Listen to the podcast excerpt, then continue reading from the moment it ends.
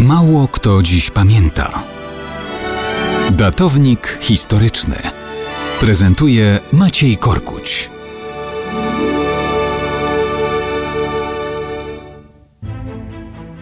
Mało kto dziś pamięta, że 28 maja 1940 roku samodzielna brygada strzelców podhalańskich wraz z innymi jednostkami alianckimi zdobyła norweski Narvik. To było pierwsze zwycięstwo aliantów w II wojnie światowej. Jeszcze mniej osób pamięta, że podhalańska brygada była szykowana na zupełnie inną wojnę. Otóż miała wziąć udział w pomocy dla Finlandii, zaatakowanej w listopadzie 1939 roku przez Związek Sowiecki. Władze Rzeczypospolitej na uchodźstwie widziały wtedy szansę na umiędzynarodowienie konfliktu sowiecko-polskiego. Wszak tylko my byliśmy w stanie wojny z Sowietami. Dla władz RP było to oczywiste.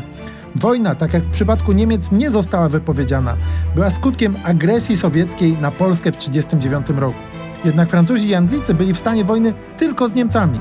O Sowietach mówili nam wprost: to wasz problem. Po sowieckim najeździe na Finlandię to mogło się zmienić. Szykowano na pomoc Finom korpus francusko-polsko-brytyjski.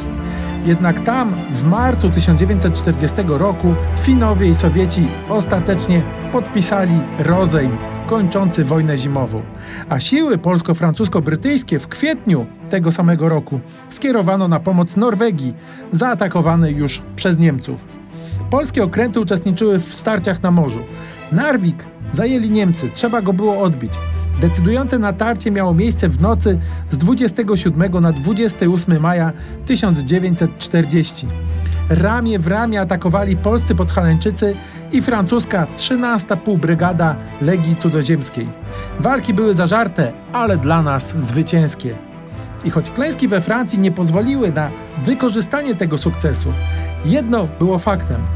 Polacy byli współtwórcami pierwszej zwycięskiej bitwy aliantów w II wojnie światowej.